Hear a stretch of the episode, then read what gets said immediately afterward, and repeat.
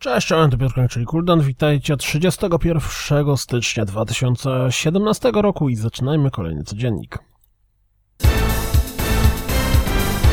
Psychonauts in the Rhombus of Ruin otrzymał nowy zwiastun i datę premiery. W tytuł zagramy 21 lutego na PlayStation VR.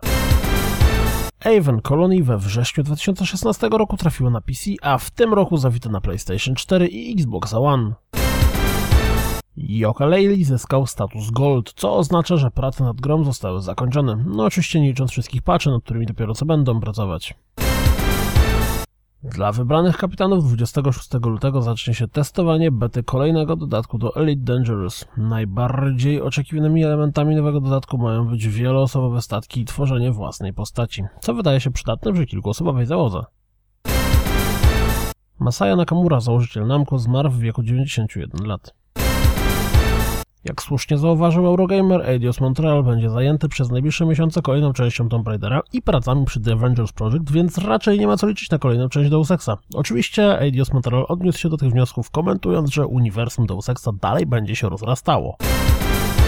Jeśli do tej pory nie mieliście okazji sprawdzić Tom Clancy's Rainbow Six Siege, to darmowy weekend, który odbędzie się między 2 a 5 lutego wydaje się świetną okazją. Dla doświadczonych graczy zapewne będzie to świetna okazja dla łowów na nobów. Wygląda na to, że w Horizon Zero Dawn będzie dużo zwiedzania mapy. Przy okazji zobaczycie nowy materiał z rozgrywki. Premiera Niocha już za rogiem, więc warto rzucić okiem na ten całkiem pionujący japoński zwiastun. Warto również rzucić okiem na kolejny materiał związany z polską wersją Torment Tides of Numenera, który skupia się na narratorze Piotrze Franceskim.